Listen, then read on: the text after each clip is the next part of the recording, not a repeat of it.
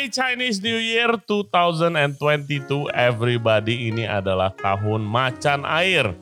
Yang merayakan Imlek semoga cuan dapat angpau yang banyak dan sehat selalu. Thank you very much for tuning in to Ray Jensen Radio Podcast.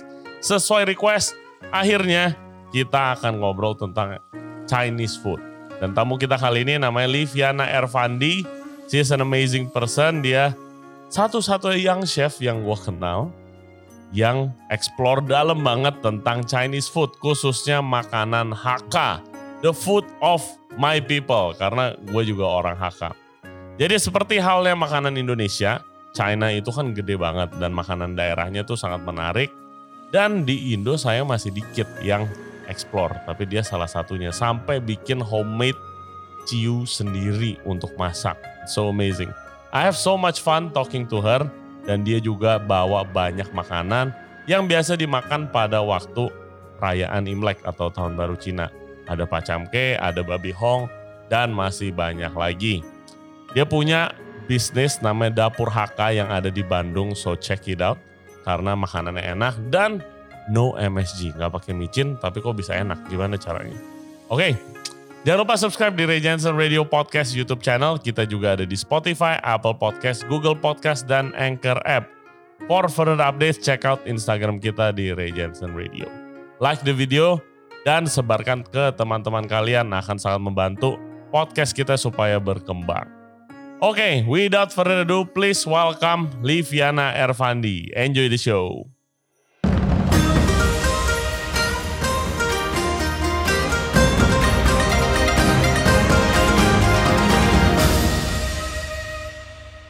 Gongsi Faja everybody, selamat tahun baru Cina buat yang merayakan. Tema kita kali ini podcastnya itu tentang Chinese food. Akhirnya karena banyak yang request tapi jujur aja gue sangat kesusahan nyari uh, guest yang ngerti soal Chinese food. Nah tapi kita ketemu, tapi jauh dari Bandung, udah jauh-jauh ke sini. Thank you Livi, welcome to the show. Hello Ray, thank you. Thanks for inviting me. Yes, uh, our pleasure dan Livi ini dia adalah chef owner dari Dapur HK yang ada di Bandung. Nah menariknya itu Chinese food uh, authentic tapi nggak pakai MSG. Yeah. Gitu. Yes, uh, mungkin kita mulai dari your background story sih. Belajar Chinese food dari mana? Awalnya aku kuliah di uh, di Taylors di Malaysia, mm -hmm. lalu aku ke UK untuk S1 Culinary Arts. Oh UK di mananya? Di London. Oke, okay. enggak maksudnya sekolahnya Taylor juga? Enggak. Apa? Di University of West London. Oh, University of West London belajar yeah. culinary arts. Iya, yeah, Terus why uh, decide untuk kayak kenapa memilih untuk dalamin Chinese food? Oke, jadi awalnya gini ya. Uh, waktu aku pilih culinary arts sebenarnya masih belum ada ketertarikan sih di masak. Hmm. Jadi why? Kok bisa? bisa dong kayak uh, oke okay, Gak kita lulus. SMA biasanya kita juga nggak begitu tahu kita mau ngapain kan mm -hmm. karena kita juga belum pernah mencoba hal itu kadang kita nggak tahu kita emangnya beneran suka atau enggak ya yeah, agree okay? uh, di situ tapi tetap lulus SMA aku tetap harus kuliah dong mm. nah uh, aku pengen kuliah di luar negeri yes. di waktu itu uh -uh. Uh, lihat brosur mm kayaknya menarik culinary arts. Waktu itu sih belum belum begitu booming ya tahun aku hmm. kuliah itu 2011. Ya pada zaman itu belum seperti belum, sekarang. Belum seperti sekarang kan hmm. F&B gitu. Hmm. Jadi ya udah deh aku mau coba ini kayaknya sesuatunya yang baru. Gitu. Tapi ada ketertarikan pernah masak juga belum. Oh belum juga? Belum belum. Jadi di rumah itu nggak pernah ada hobi masak. Oke. Okay. Iya. Lalu uh, ya udah deh ambil pikir karena emang belum ada ketertarikan aku ambil yang singkat aja udah diploma. Hmm. Saat itu dua tahun kan diploma. Oke, okay, aku masuk uh, kuliah, mulai kan belajar. Tapi belajarnya western dong pasti kan? Iya, belajarnya hmm. western. Biasa basicnya French dulu kan karena yeah. culinary arts. Hmm. Oke, okay. gak bisa apa-apa. Hmm. Masakanku juga gak enak. Bener-bener gak enak, gak uh. pernah di appreciate sama yang si chef. Oh my Bukan God. gak di appreciate, cuma mungkin kayak oh ini banyak kurangnya nah. seperti itu. Okay. Uh, tapi aku kan tipe orangnya lumayan overthink gitu, kayak hmm. gimana ya caranya biar bisa improve, sehingga yeah. aku improve gitu ya, walaupun hmm. gak ada ketertarikan tapi uh, tetap karena udah milih major itu aku udah tanggung jawab, hmm. aku pengen improve. Aku cuma di situ doang mikirnya. Okay. Ya udah uh, mulai coba kayak belajar lagi baca bukunya kayak gitu lalu uh, ya ada, ada next kitchen class aku improve Mulai improve. mulai improve Yes. Uh, tapi masih belum tertarik Hmm. oke lalu ada waktunya kita harus magang Hmm. di situ aku cuma kayak oh ya udah aku magang aku pick hotel aja Hmm. pick hotel aku ditempatin di eh, Chinese restaurant di situ Chinese kitchen. Ah, Oke. Do you remember what's the name? ah aku lupa banget aku lupa banget nama restorannya Gue penasaran aja. Oke. Iya tapi dia di Mandarin Oriental Ah. ya, di oh, it's a sana. good hotel. Di, iya di, Kuala London. Lumpur Oh, di Kuala Lumpur masih. ini di Kuala Lumpur dulu Oke, oke. masih Hmm, Oke. terus, terus? aku di situ dulu lalu aku masuk ke Chinese kitchen karena biasa itu ditempatinnya random kan Hmm. takdir aja sih aku bilang sih ya Oke. tempatin random aku di situ bener-bener makin gak tahu apa-apa lagi Hmm. di situ aku kaget Hmm. melihat eh, papan tulis dia semua tulisannya tulisan Hanje Oh. tulisan kanji Mandarin Oh my god. Iya. jadi yang udah belajar di sekolah udah sama sekali nggak kepake dari sana dari pisau semua be- Oh, beda it's totally different. totally different Yes. bener-bener Kan eh, guys, biasa kan eh, culinary school mau itu entah di mana biasanya tuh basisnya itu European kan. Iya. Entah itu Prancis atau Italian bikin pasta gitu-gitu. Karena itu yang paling mudah diaplikasi lah. Gitu dan standarisasinya sudah jelas biasanya bahasa Inggris gitu kan. betul Tapi kalau Chinese food, and apalagi baru pertama kali kerja ke Chinese professional kitchen, oh my god. ya pasti lu kayak headless chicken gitu kayak oh my. iya Bahasanya beda, bahasanya beda, beda. betul yang kerja di sana juga nggak begitu bisa bahasa Inggris Yes, yeah. What's the thing about that? Seluruh dunia Chinese food, apalagi Chinese food yang kayak authentic, terus biasanya Yeah. award winning gitu kalau di kota. Ya Tapi staffnya kayak mainly from China, terus nggak bisa bahasanya. iya Biasanya begitu. Iya, kayaknya mereka eh, lumayan lebih tertutup banget daripada Yeah. eh, It's European kalau nggak yeah. Western friends seperti itu. Eh, kayak kalau kita bandingin juga di internet juga resep pasti lebih sedikit kan tentang Chinese Jauh, food. Jauh, Iya. iya. Kecuali if you research it in Mandarin mungkin. Iya, iya betul. Dan yang kerja di sana tuh udah yang jadi sefunya ya, kita Hmm. sebutnya tuh kayak Chef chef tuh ya. head chef ya? head chefnya Shifu, shifu. Shifu. Iya. Shifunya di situ tuh Hmm. udah eh, udah ada pengalaman di dimsum tuh 25 sampai 30 tahun. Hmm, hmm, dia bener-bener ya udah lipat siomay, lipat hakau semua hmm. Hmm. seperti itu gitu. Oh my god. Terus Ya. what do you do? Aku bantu, aku bantu uh, waktu itu masih belum bisa lipat hakau karena Hmm. itu levelnya udah tinggi. It's, gila susah banget sih lipat Iya. hakau. Iya. Lipat hakau itu susah banget Hmm. dan butuh kecepatan, Hmm. juga harus konsisten, harus rapi. Hmm. Gitu. Jadi untuk anak intern nggak akan mungkin dikasih. Iya. ya intern di Chinese food dikasihnya apa? Iya, waktu itu aku bikin pancake durian sih Oh. yang paling gampang. yang kuning itu yang ribet. Iya, iya aku lipat, terus aku bantu timbang-timbang. Hmm. Ya, terus gramasinya juga dia juga beda kan Iya. pakai alatnya. Iya, liong. Iya, yang pakai timbangannya cin. bambu itu, liong sama Iya, cin ya. kayak begitu. Jadi Gimana mau belajar ya coba gue bingung. Iya.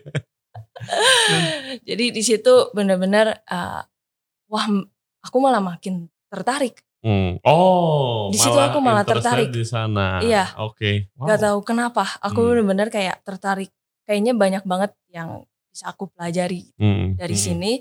Lalu aku pikir kalau aku bisa eh ini tuh orang tuaku juga bakalan suka gitu, bakalan oh dia bakal makan makanan aku. Nah iya, that's totally right sih. Iya. Karena waktu gue lulus, gue balik nih ke Indonesia, gue masakin dong orang tua gue, Iya, keluarga.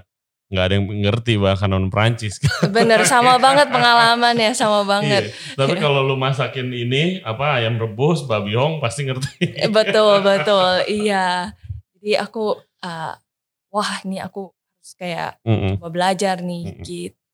Sorry, uh, move closer to the mic. please. Ya. Yes. Oke. ya. Terus abis itu dari lu balik sampai uh, tadi you mention about a little bit about your grandma, Iya. ya kan? Terus abis itu lanjut lagi sekolah sama your grandma buat belajar makanan Hakka. Eh, dari situ oke dari dari aku intern ya udah aku kayak oh tertarik mulai Hmm. belajar dikit-dikit Mm-mm.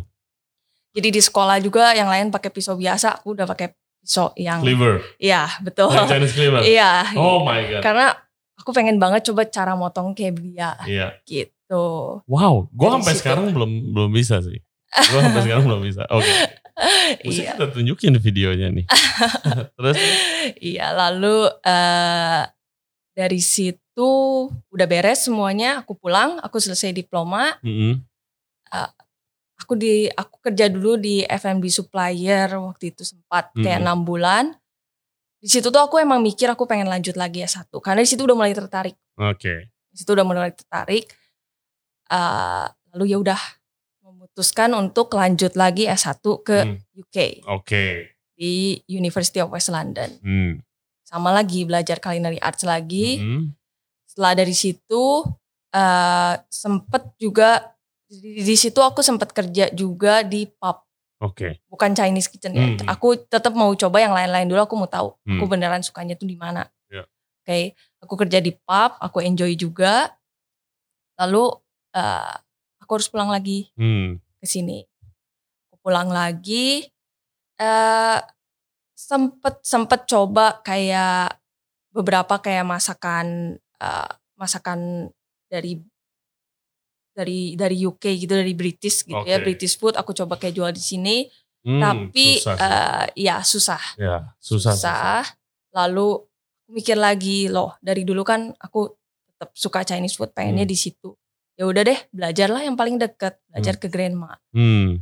Ya, toh uh-uh. ya toh itu kan memang kayak yang setiap hari keluarga aku makan aku Yes. juga suka yes. oke why not coba belajar Hmm. Nah itu makanya lu decide untuk belajar makanan Hakka. Iya. Karena lu orang Hakka. iya betul Oh, Oke, sama kayak gue. Gue juga orang Hakka. Oh, iya. orang kek guys bilangnya kalau oke biasanya gitu.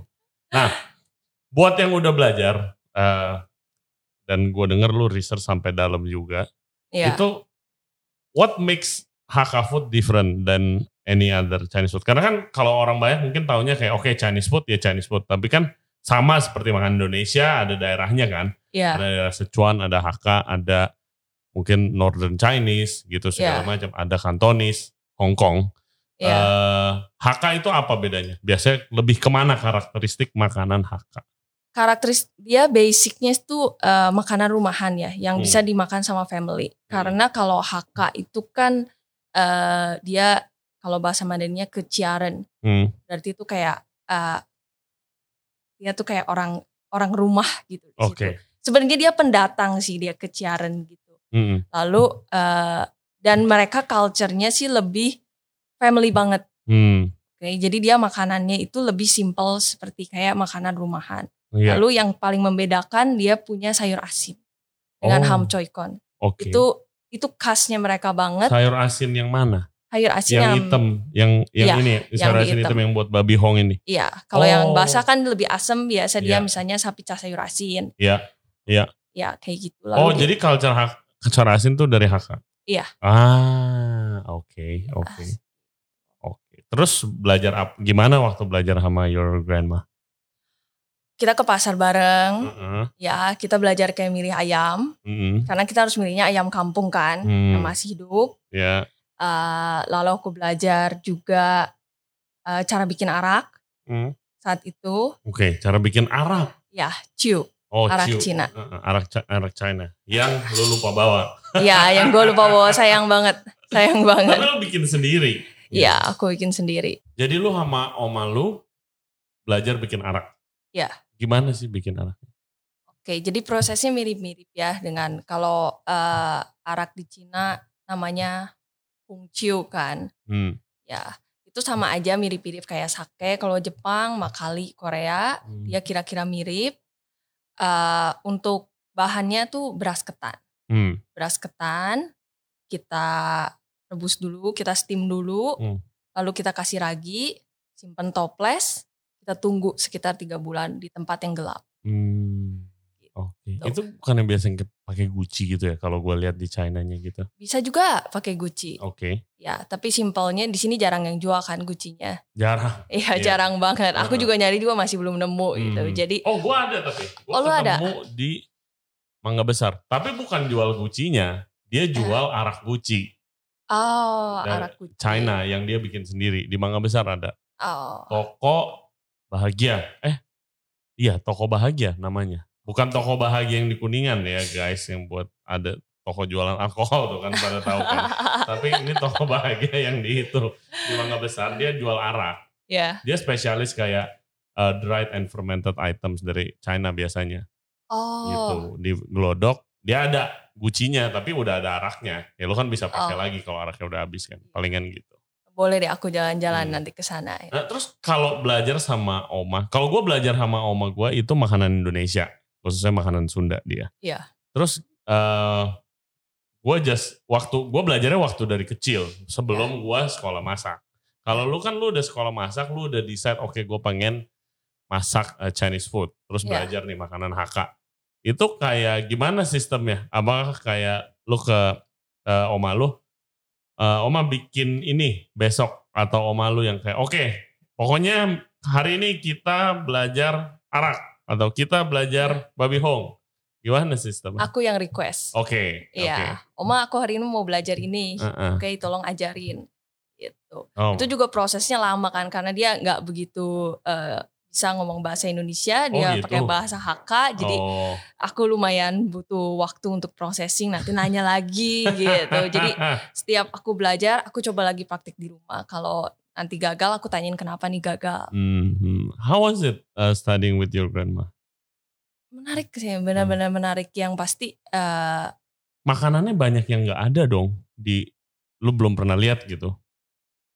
aku- kebetulan keluarga aku selalu makan makanan yang kayak begini. Oke. Setiap oke. Chinese New Year. Ah, Jadi aku emang udah familiar, tapi nggak pernah pengen tahu cara buatnya itu gimana. hmm. Jadi cuma suka nikmatin makan doang. Iya, iya. Sampai akhirnya aku penasaran, aku coba dan memang prosesnya juga lumayan sulit. Oke. Iya. Eh, gua gua pernah cerita sama lu kan waktu kita kenalan lewat Zoom call. Waktu kemarin pandemi itu for about a year every day gue try to learn Chinese food gitu. Ya dari internet sih biasanya. Ya, Susah. Gila. susah. Susah, susah. Pertama susah pisoknya. Ya, Iya banget. Terus gua dari dulu gua nggak pernah bisa angkat wok pakai satu tangan. Ya. Ya itu susah banget. Tapi biasa staff gue yang kayak kurus-kurus gitu bisa kan. Gitu, Kalau gue di kitchen diledekin, wah lu head chef gue tapi nggak bisa ngangkat wok gitu kan. Eh, main apinya susah. Eh, terus yang paling susah kayak teknik. Kalau udah mainnya wrapping nih kayak gini nih, Ya, yang ini itu Iya. apa namanya?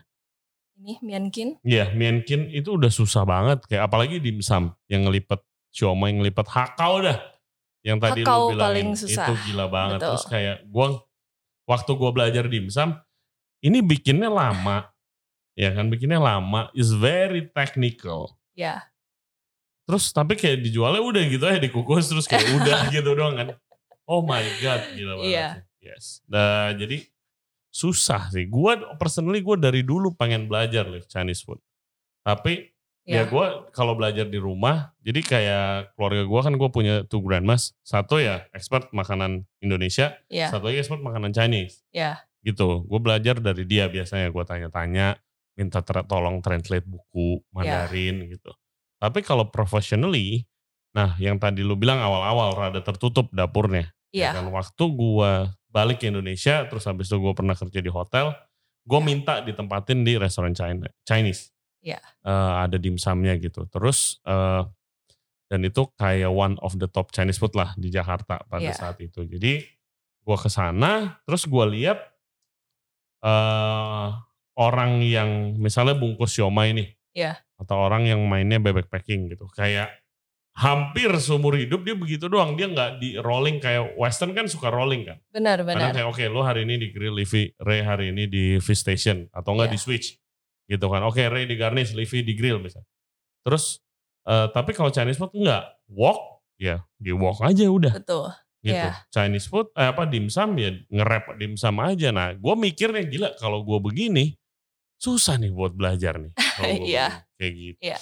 Yeah. Do you Jadi- find it that way juga Iya sama-sama. Waktu aku uh, intern juga di tempat itu yang emang dimsum tetap dimsum, workstation workstation, bagian dessert, bagian hmm. butcher di sana juga. Iya dan ya. jarang ada rolling gitu kan. Ya bagian roasting juga benar di yes. roasting. Hmm. Jarang hmm. banget ada rolling bahkan juga agak susah untuk juga naik pangkat kecuali yang atasan itu keluar. Iya, iya standar. Jadi yeah. walaupun kita outperform kayaknya dia uh, seniority-nya tuh lumayan masih kuat sih. Hmm, yes. Bener sih. Makanya itu kayak kalau di Indo jarang banget sih. Baru beberapa tahun terakhir yang ada kayak modern Chinese food gitu loh. Oh. Sebelumnya kayak semuanya ya very very classical. Iya. Gitu kan kayak restoran-restoran Chinese yang udah legendaris biasanya kayak kalau di yeah. Jakarta Angke ya. gitu karya gitu kan sentral itu udah langganan iya ya, kalau di Bandung apa sih uh, kalau aku suka Queen Queen namanya Queen. makanan apa dia uh, dia Cantonese oke okay. Cantonese. Dimsum itu Cantonese bukan sih atau semuanya sebenarnya ada uh, kalau dimsum dimsum disebut Cantonese enggak ya karena hmm. uh, dia dia emang dari dia emang kayak Cantonese juga menurut aku sih Cantonese yang mempopulerkan. Hmm. Tapi kan kayak Xiao Pao kan dari Shanghai. Oke, okay, iya, makanya ya, itu. Yes, gitu. Yes. Jadi diambil dari beberapa ya jadi ini. Oke, okay, oke. Okay. Nah, di depan kita sudah ada makanan. Ya. Jadi uh, Livi, chef owner dari dapur HK. Nah, kapan lu decide buat open uh, HK bisnis, HK food business? Oke. Okay. Uh, eh, aku kan memang udah lama suka sama Chinese food. Hmm tapi jarang banget kan yang buka Chinese food. Dan aku juga jarang. betul jarang Apalagi banget. masih muda. Iya. Jarang banget. Nah, nah dari situ uh, oto, uh, waktu itu tujuannya memang buka resto. Hmm. Ya, tapi karena memang contohnya juga tuh belum banyak, hmm. hanya yang legend-legend yang ada. Yeah. Contohnya belum banyak, aku nggak tahu rasa yang aku itu bisa nyaingin nggak yang legend-legend ini. Nah ya iya, terus bisa jalan nggak kalau emang target marketnya lebih anak muda gitu ya? Iya ya. betul, bisa jalan nggak? Jadi aku coba dulu untuk catering online. Hmm. Aku tes market, aku lihat, aku maunya aku punya langganan dulu hmm. banyak. Berarti hmm. kan mereka, oh goal aku tuh setiap hari juga mereka makan ini pun gak bosen. Hmm. Itu goal aku. Hmm. Iya. Iya. Ya. Oke, okay. udah berapa lama? Dapur Sudah empat tahun. Oke, okay, ya yeah. obviously it works. Iya, itu. Puji Tuhan sih banyak juga sih yang langganan. Nah ini makanannya ada apa aja? Lu jelasin nih. Satu-satu nih. Mulai dari sini yang tadi kita udah sebutin. Ya, ini kebetulan yang aku bawa melambangkan Chinese New Year juga. Yes. Oke, okay, yang yang ini Miankin. Hmm. Dia uh, dia bukan dia bukan dumpling tapi oke kita bisa sebut juga sejenis dumpling yang hmm. melambangkan juga Chinese New Year karena dia tuh kayak kalau dumpling kan bentuknya kayak pocket money. Oh. Ya. Coba kita sambil lihat ke kamera ya biar kelihatan. Oke. Nih. Kayak pocket money. Kayak pocket money. Uh -huh. Jadi dia melambangkan uh, kekayaan ya. Amin. Ya. Gue makan langsung. Biar kaya. Oke, okay. dalamnya apa? Dalamnya dia daging babi. Hmm dengan ada kayak campuran juga. Nah ini wrappingnya itu apa? Kayak kembang tahu, mirip kembang uh, tahu. Bukan dia terigu yang aku olah sendiri aku buat. Okay. Itu lama banget tuh buatnya kira-kira um, 4 jam. Oh my god, diapain hmm. aja prosesnya? Biar listener kita tahu. Prosesnya, um, prosesnya. Ya kenapa? Lupa. prosesnya kalau aku kasih tahu. Oh. nah ini guys bilangnya kalau Chinese kitchen tertutup. tertutup kalau Chinese kitchen ya. Oke oke. Okay. Anyway it's so good. It's so good. Yeah. Dan ini di tadi lu bilang di pairing sama sambal eh, ini sausnya. Iya, harus di pairing sama sausnya. Oke. Okay. Lanjut mie ulang tahun. Eh mie ulang tahun. Iya kan? Iya ini bisa mie ulang tahun juga atau enggak hmm. ya mie goreng. Ya, itu mie melambangkan goreng. panjang umur. Panjang umur. Karena mie panjang-panjang. Iya. Yes. Terus ada babi hong. Babi hong dia kan kayak tiga lapis ya dia melambangkan juga kekayaan.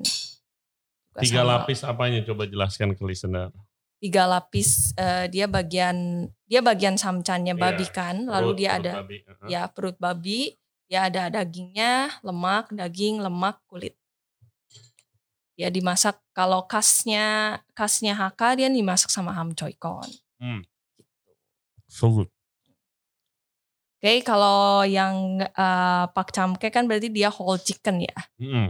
Whole chicken dia melambangkan uh, reunion lah, reunion bersama kayak family. Oke. Ya, jadi satu utuh. Hmm. Karena ya kuncinya Imlek kan kita kumpul sama family lagi, kita makan di meja. Betul. Gak peduli itu apa makanannya. Ini kan Hmm. hanya melambangkan yang biasa orang makan. Yes, tapi kalau kalau kayak nipo chicken pacamke biasa bilangnya ini sih kayak ya bukan Imlek aja biasanya kalau keluarga gue sih makan di mana juga harus ada ini sih kalau Iya. Food. Iya betul itu umum. Yang gue mau tanya eh ada dua nih kalau lihat ini. Pacamke itu Ya. eh gue belum pernah lihat yang sajinya pakai kuah. Pertama. Oh itu dia Emang- kaldu ayam murni. Iya, ciri khas lu aja gitu. Iya Oke. ciri khas. Terus eh, yang ini apa yang coklat-coklat ini? Eh, itu jahenya. Oh, jahe digoreng. Iya Wow. minyak jahenya. Oke. Oke coba. Bisa di dipping juga ke sausnya. Siap. Yes, chef. yes, chef. Lebih enak. Pasti. Terus eh,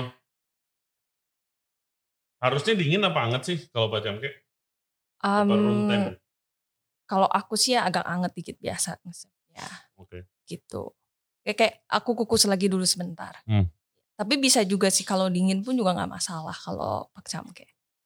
Boleh gak jelasin ke listener kita kayak what makes a good pacamke?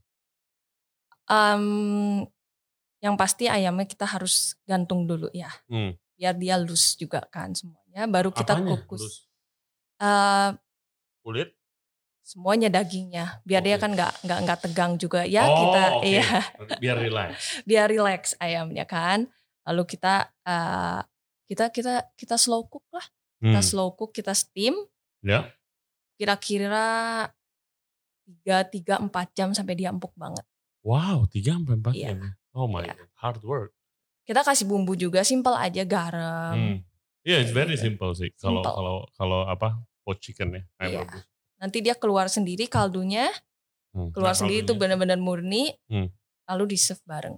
Yang aku lakukan di Gila, enak cuy, enak banget makanannya. And it it tastes authentic. Ya, It tastes very you. authentic. Ya. Terus yang tadi eh, guys gue paling amazed sama dapur HK itu gue lihat Instagramnya no MSG.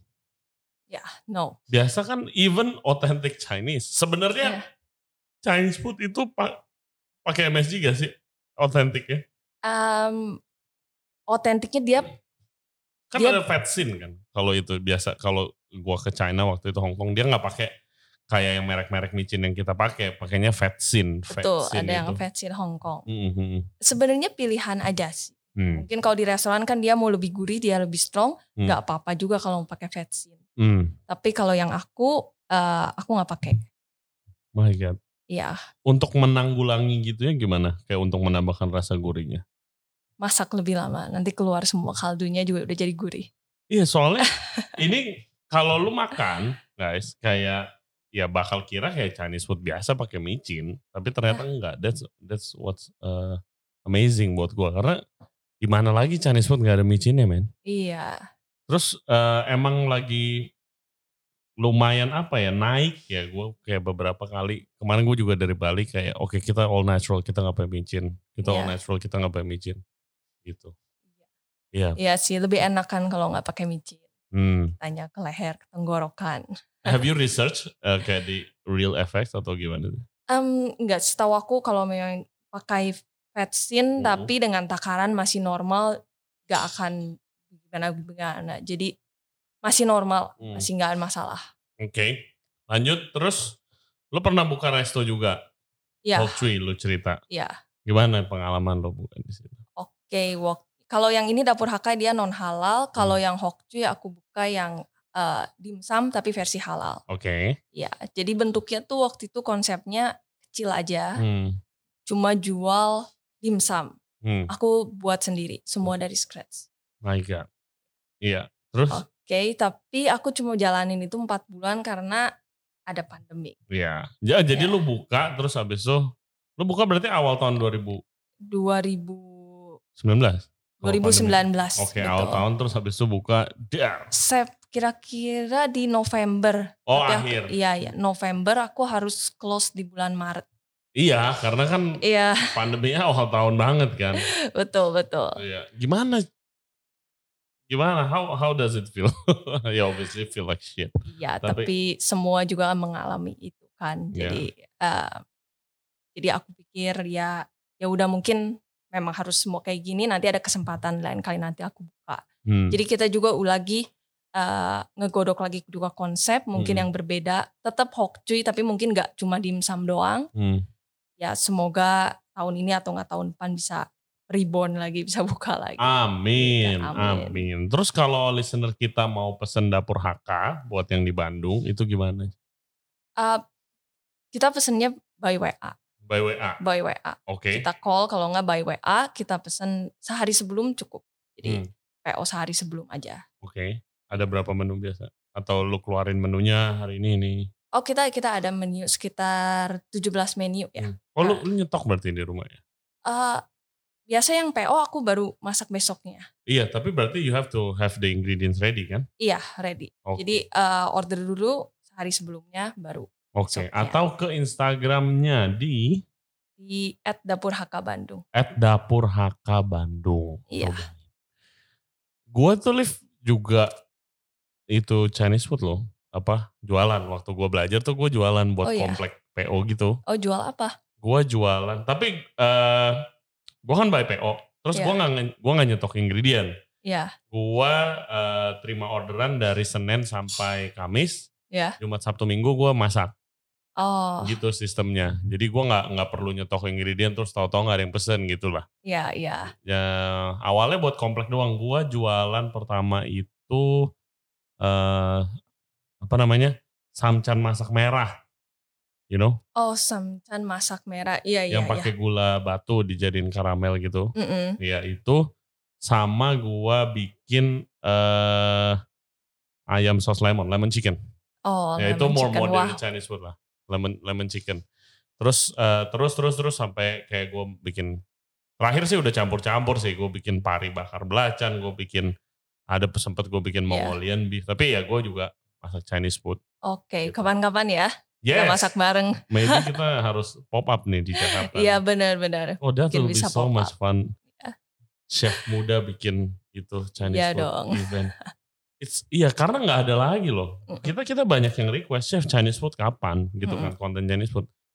Terus gue kayak feeling gue ini no offense ya tapi kayak gila gue gue nggak ada koneksi ke chef chef senior hotel gitu. Dan Iya. majority di Jakarta kalau hotel itu yang benar-benar bosnya gitu majority ya nggak Iya. semua tapi itu biasa dari China langsung Ya, which gue nggak bisa ngomong Mandarin kan, Iya, gitu betul. loh. terus gue begitu banyak request mulai banyak gue tanya koneksi gue Nah, iya sebentar tanyain sebentar tanyain terus kayak padahal kita mau bikin konten Imlek kayak Iya. begini kan jadi kayak ya untung ada lu thank you very much thank you juga ya. lu biasa Imlek ngapain aja baby Em, Imlek biasa kumpul sama keluarga. makan udah pasti Makan, nah sekarang iya. sih lu yang masak Em, iya, ya biasa kalau misalnya ada, tapi kita kayaknya tahun ini nggak ngumpul kan. oh Nah, iya iya ya masih Hmm. masih ada omikron. Tapi biasanya, tapi biasanya ya kayak eh, saya yang masak, tapi juga eh, ada juga yang bawa lagi.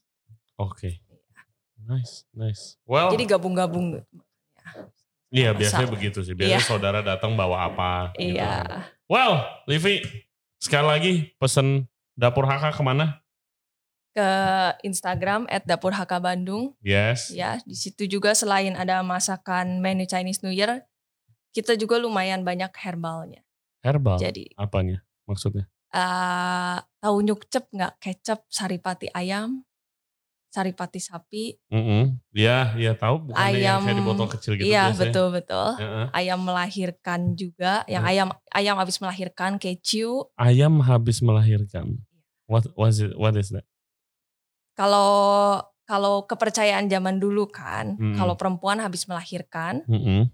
dia itu minumnya keju selama 30 hari. Oke, keju. Keju berarti itu satu ayam dengan dimasak dengan arak. Makanya aku bikin ciu. Ah, Begitu.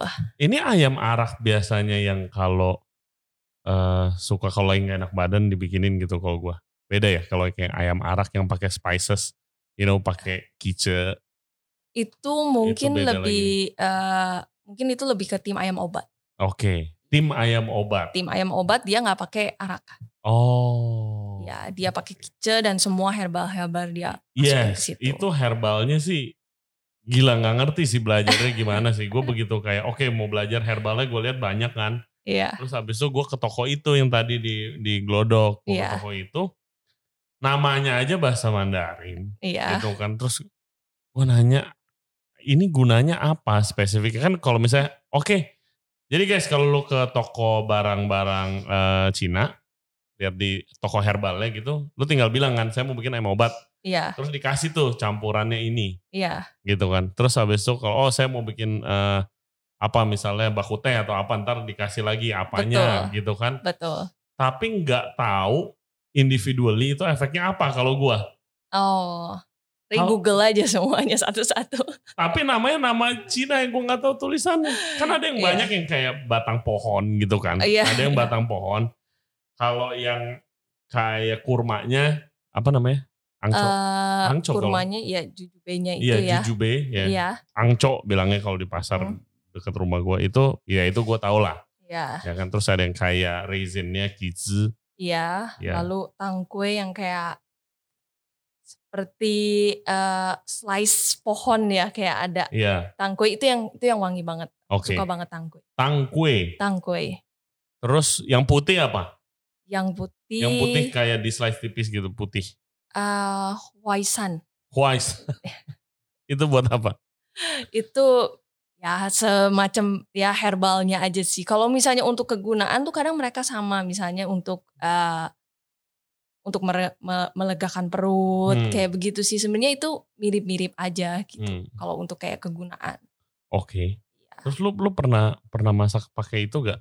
Yang cordyceps tau gak? Cordyceps yang apa? Ulet yang jamur yang Ya. tumbuh di di pala ulet gitu, cordyceps yang mahal banget. Jamur tumbuh di Chinese Chinese medicine cordyceps. Jadi Yang jadi ya, ada Ria? ada this this this bacteria. Dia ma- dia invite dia invade eh, dia masuk ke dalam tubuh eh apa tawon biasanya atau Iya. ulet. Terus it makes them psychologically crazy. Terus Ya. this this whatever the insect is, ulet atau lebah atau apa, dia nanggep ke pohon ya automatically karena brainnya kan a bit screwed up kan gara-gara bakterianya. Dia nang di pohon yang paling tinggi, ya habis itu they die, terus dari dalamnya keluar jamur. Dari dari Wah. palanya keluar jamur. It sounds creepy, tapi itu gue pertama kali lihat di Hong Kong. oh Mahalnya setengah mati. Ray coba Enggak, it's dried. It's Oh, dried, food. dried. Di dried food. Dimasak seperti itu juga, ya buat herbal-herbal gitu juga, digodok gitu biasanya. oh, Oh, I thought you have you tried that. aku mungkin aku coba research Oke. itu ya menarik sih menarik menarik banget aku nggak tahu tentang itu Iya, terus ya. Well, oke, Livi, thank you very much buat waktunya. ya I know sama-sama uh, thank you pesanan Ray lu banyak buat besok.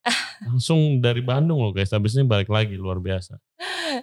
Thank you very much for coming. Kita udah belajar uh, sedikit banyak lah soal Chinese food. Ya. Dan it's really interesting loh guys kalau if you want to try. Dan nggak semua Chinese food itu uh, ada babinya, ada juga yang halal. Iya betul banyak banget kalau bisa banget dibikin versi halal Yes, dan malahan ada beberapa daerah kan yang emang majoritinya itu Muslim. Dan Iya. kayak malah bakaran domba tuh biasanya yang kalau di China ada yang apa? Main dishnya di sana lamb and beef. Iya pork, iya gitu kan. banyak Mm. banyak Oke, eh, di Instagram lu di mana Vi? Kalau orang mau belajar Chinese food nanya-nanya. Eh, Instagram aku boleh nanya-nanya di Liviana Ervandi Liviana Ervandi Ervandi. itu Instagram pribadi Yes, Iya. atau pesen di Dapur HK dan stay tune buat Hok Cuy. Semoga langsung buka lagi. thank you semoga Oke, guys, thank you very much. Kita lihat ke situ. Thank you very much for listening to the show today. Jangan lupa uh, subscribe di Jensen Radio Podcast YouTube channel. Kita juga ada di Spotify, Apple Podcast, Google Podcast, dan Anchor App. Buat yang mau makan Chinese food otentik, HK Style Chinese Food di Bandung, dan nggak pakai micin, so it's healthier supposedly, boleh langsung kontak Dapur HK atau kontak Livi. The food is really good, trust me. Ya. Oke, stay safe, stay healthy. We'll see you next time. Bye bye. bye bye thank you